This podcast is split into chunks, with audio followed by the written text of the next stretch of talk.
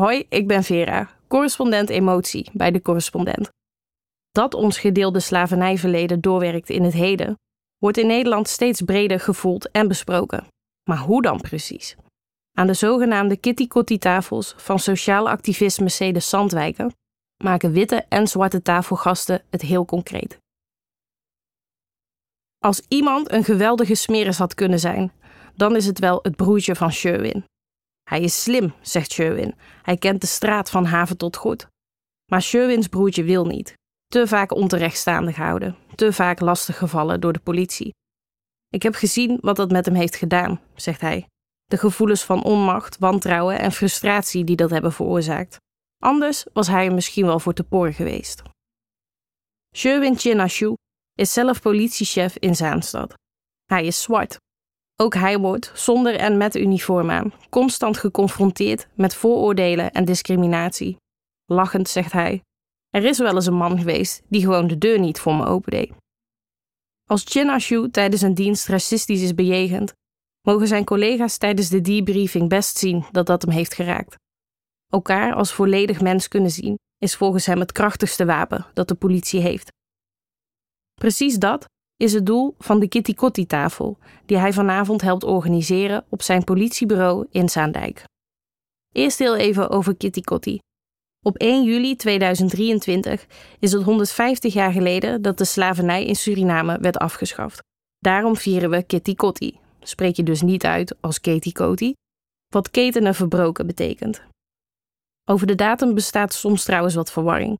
De wettelijke afschaffing was namelijk al op 1 juli 1863, 160 jaar geleden dus. Op de Caribische eilanden waren tot slaafgemaakten vanaf toen vrij.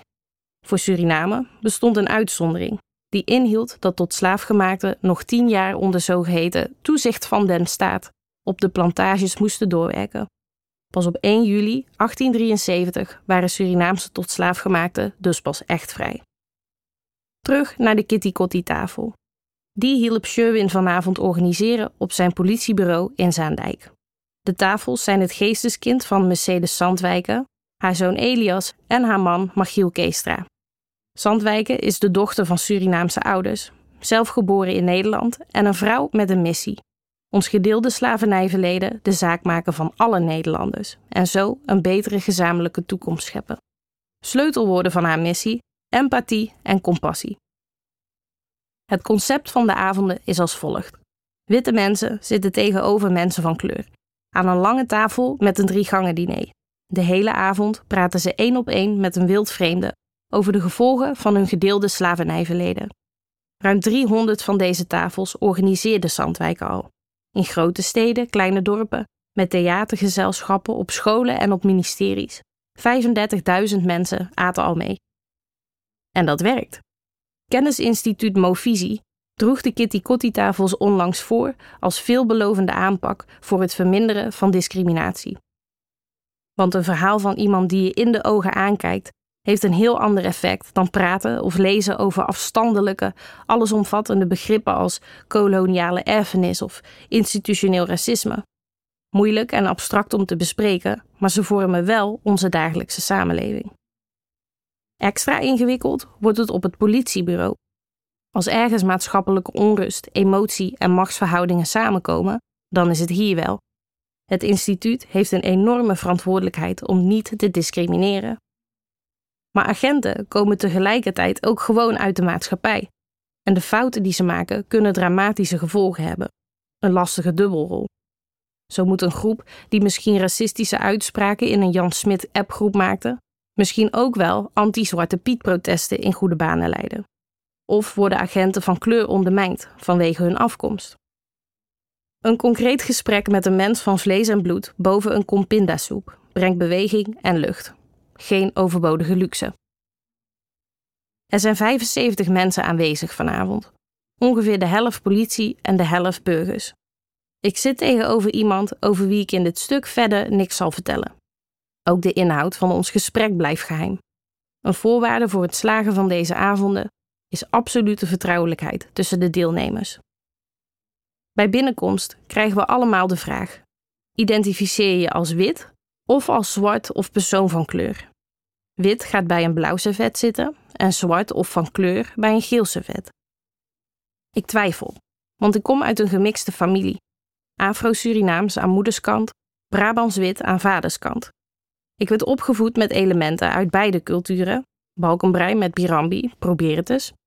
Uiterlijk lijk ik op mijn vader en mijn broers lijken op mijn moeder. In tegenstelling tot hun vraagt niemand mij ooit, echt, als ik zeg dat ik Mulder heet.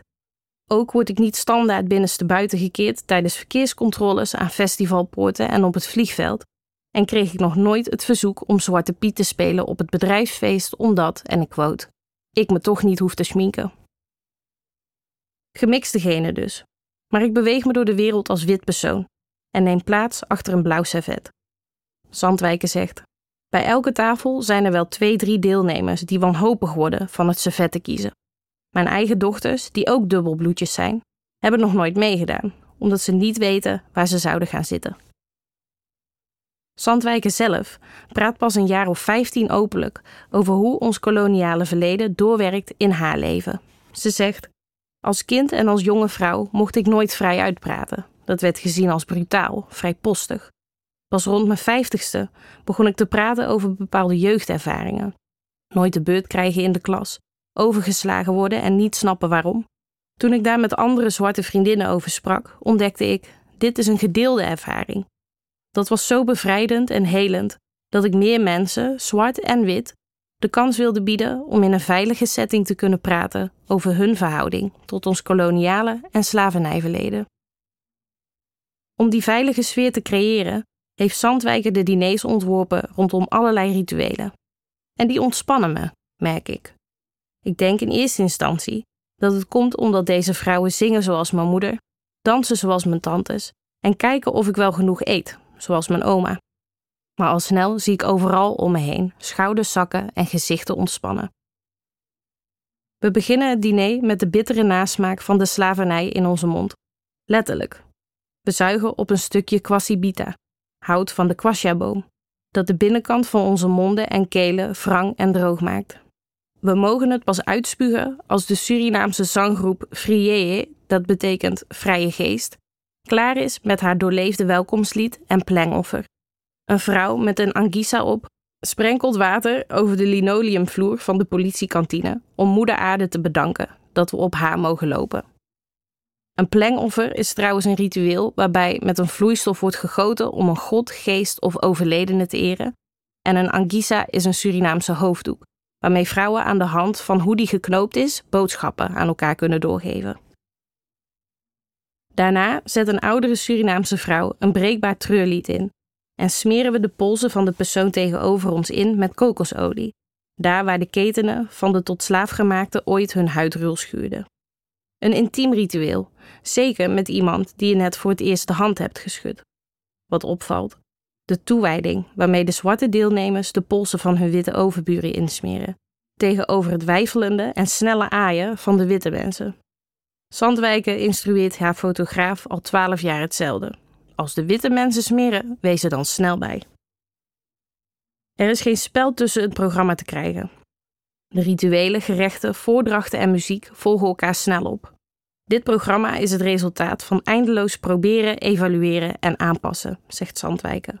Zo'n avond vraagt namelijk veel van de deelnemers: geduld, inlevingsvermogen, in sommige gevallen het hebben leven van trauma. Er komt veel los, maar eindeloos doorgaan kan vanwege de beperkte tijd niet. Ook voorkomt de insteek van het programma dat de ene deelnemer veel meer aan het woord is dan de ander. Bij elke gang krijgen we een kaartje met een vraag erop. Steeds geeft één deelnemer antwoord en de ander luistert. Vervolgens is er een paar minuten de tijd om het erover te hebben. Voorgerecht pindasoep. Vraag: Wanneer werd jij als minderwaardig behandeld en hoe reageerde je daarop? Hoofdgerecht: hereri. Bakbanaan, bakujau, zoete aardappel en cassave met ei. Vraag: Wanneer behandelde jij iemand anders als inferieur en hoe kijk je daarop terug? Toetje: boyo. Natte kokoscake met rum en rozijnen. Vraag: Hoe zorg je ervoor dat je de intrinsieke waardigheid van een ander bewaakt? Na het eten zingt het vrouwenkoor a cappella over Braamspunt. een landtong waar de Suriname-rivier en de Kommerwijnenrivier elkaar ontmoeten en waar in de slaventijd de over de Atlantische Oceaan aangevoerde tot slaafgemaakten aan land kwamen. Gezonde mensen werden daar geveld en afgevoerd naar de plantages. De zieken en verzwakten werden overboord gegooid of achtergelaten om te sterven in het woud. In dit lied wordt gevraagd om vrede voor hun dolende zielen. De voorganger van het koor raakt tijdens het zingen overmand door emotie en wordt ondersteund door haar zusters de zaal uit begeleid. Politiechef Sherwin Chinashu zegt: Soms lijkt het een kansloze missie om te laten zien hoe pijn uit het verleden doorwerkt, of om juist de andere kant te zien van iemand die helemaal nooit bezig hoeft te zijn met dat verleden. Maar op deze avonden lukt het wel, omdat je er niet primair bent om je verhaal te vertellen, maar om te luisteren naar degene tegenover je. Naar de ambulancebroeder die door een patiënt werd toegesnauwd, dat hij niet wilde worden aangeraakt door die zwarte, bijvoorbeeld. Of de witte man die op stap was. Zijn dronken vrienden zeiden het N-woord tegen een ober en hij zei er niks van. Waarom niet? vraagt hij zich nu hardop af. De gedragen zang van het koor, de heilige tradities, de kwetsbare verhalen van een aantal politieagenten die tijdens de gangen door iets persoonlijks vertellen. Ze zetten allemaal de toon. Al na de soep heb ik de persoon tegenover me dingen verteld die sommige goede vrienden niet eens van me weten. Ook de overbuur vertelde een intiem verhaal. Iets waar hij na twintig jaar nog aan terugdenkt. Om ons heen vertellen mensen over hoe zij een ander zich bewust heel klein hebben laten voelen. Over grensoverschrijdend gedrag, zowel dader als slachtoffer. Deze tafels werken omdat er vooraf veel tijd en energie wordt besteed aan het creëren van een veilige gespreksomgeving. Zandwijken is er vooral erg druk mee om evenveel witte als zwarte deelnemers aan tafel te krijgen. Ze zegt: We sturen uitnodigingsbrieven, posten op sociale media en zetten ons eigen netwerk in. Voor deze tafel hadden we nog veel mensen van kleur nodig en ik kwam toevallig een oudere Surinaamse kennis tegen. Ik ging om acht uur naar zijn huis en om half tien hadden we zijn hele telefoonlijst afgebeld om mensen uit te nodigen. Vervolgens, met de tafels vol, is het volgens Zandwijken nogal een uitdaging om de volgende twee emoties bij elkaar te brengen. Ik heb nog steeds last van wat mijn voorouders is aangedaan, tegenover het is al zo lang geleden, wat kan ik eraan doen dat mijn bedovergrootvader ooit die zweep ter hand nam? Wat is er voor nodig om dat gesprek rustig te voeren? Zandwijken, grinnikend. Kennelijk heel veel. Drie gangen, nieuwe rituelen, honderd andere mensen, zodat de deelnemers denken: het is oké, er zitten hier nog veel meer mensen die op me lijken. En, toegegeven, ook in deze organisatie hebben we te dealen met een stukje koloniale erfenis, namelijk de preoccupatie met wat wit nodig heeft, wat wij moeten doen om wit te verleiden om mee te praten en zich open te stellen voor onze kant van het verhaal. Leslie de Boer, die bij een blauw servet zat, is leidinggevende bij de politie in Zaanstad en naderhand diep onder de indruk van het verhaal van zijn tafelgenoot. Hij zegt daarover: Ik zag hem emotioneel worden en ik voelde ineens hoezeer het slavernijverleden nog leeft. Ik heb collega's met allerlei achtergronden en ik wil er graag voor ze zijn, maar dan moeten wel eerst je ogen worden geopend. Ik ga nu vaker vragen: Maak je nog racisme mee? Wat doet dat met je? Wat kan ik daar als leidinggevende tegen doen? Het goede voorbeeld geven lijkt de boer het beste beleid en opkomen voor collega's. Hij maakte vaak racisme tegenover collega's mee in het uitgaansgebied van Zaandam. Zo vertelt hij er was een jongen uit een discotheek gezet en die stond mijn donkere collega uit te schelden. Ik wil niet herhalen wat hij zei, maar het was eerst een ernstige ziekte en toen een opmerking over zijn huidskleur. Ik schrok heel erg en keek mijn collega aan, maar die reageerde nauwelijks. Hij zei: Laat nou maar, dit gebeurt heel vaak. Toen heb ik benadrukt dat hij niet normaal was en dat hij aangifte kon doen, dat we die jongen gingen aanhouden. Ik hoop dat het hem de volgende keer sterkt om te weten dat zijn collega's voor hem opkomen. Maar ook van agent richting burger speelt racisme regelmatig een rol. Sherwin Chinashu zegt: Er zit soms onbekwaamheid in ons optreden, dat is geen geheim. Politiewerk gebeurt vaak snel, gehaast en is daardoor gevoelig voor vooroordelen. We hebben net een traject afgerond waarbij we met VR-brillen oefenden of we mensen gingen aanhouden of niet. En bijna alle collega's zagen in precies dezelfde casus compleet andere dingen. Bijvoorbeeld als je moest beslissen of je iemand gaat aanhouden. De ene zegt dan: Ik had het idee dat hij drugs bij zich had. De ander zag niet eens reden om een ideebewijs te vragen. Wij hebben als politie de macht om iemands vrijheid weg te nemen. Dan moet je heel goed kunnen uitleggen waarom. En je moet eerlijk zijn als je ernaast zit, want dat zitten we ook vaak zat. Zo'n avond als vanavond is een goede oefening in je openstellen. Daar hebben we meer van nodig in ons werk. Maar dat kost je wel wat. Energie, vertrouwen, dat geef je iemand, dus iemand kan het schaden. Het kost tijd, het kost zoeken naar woorden, het kost zelfreflectie. Allemaal dingen die extra moeilijk worden als je het idee hebt dat je niet veilig bent of dat je zelf niet voor vol wordt aangezien. En dat gevoel hebben denk ik heel veel mensen, zolang we ons gezamenlijke verleden niet onder ogen komen. Zandwijken rent er niet meer van weg. Sterker nog, ze zal mensen blijven aanmoedigen te delen, hoe lastig ook. Ook realiseert ze in welke koloniale sporen zij zelf nog regelmatig loopt. Ze zegt: Ik ben me dubbel aan het bewijzen, de hele tijd. Zandwijken is geridderd, heeft van Pax de vredesduif gekregen. Hoe dan ook, vervolgt ze, dat komt omdat ik me zo enorm uitsloof. Om erkend te worden, geaccepteerd te worden, om te bewijzen dat mensen van kleur ook kunnen excelleren. Ik zou op dit punt in mijn leven achterover mogen leunen, maar ik kan het niet. En daarmee zegent ze een hoop mensen, denk ik als ik aan het einde van de avond om me heen kijk. De tafels worden afgeruimd en de zang van het koor, nu begeleid door een drum, wordt luider, feestelijk. Zandwijken en Chinashu vallen elkaar in de armen. Zij en hun organisaties hebben deze kantine omgetoverd tot een plek waar de onderwerpen die vaak het meest schuren, voor heel even zijn verworden tot gemeenschappelijke grond om op te dansen.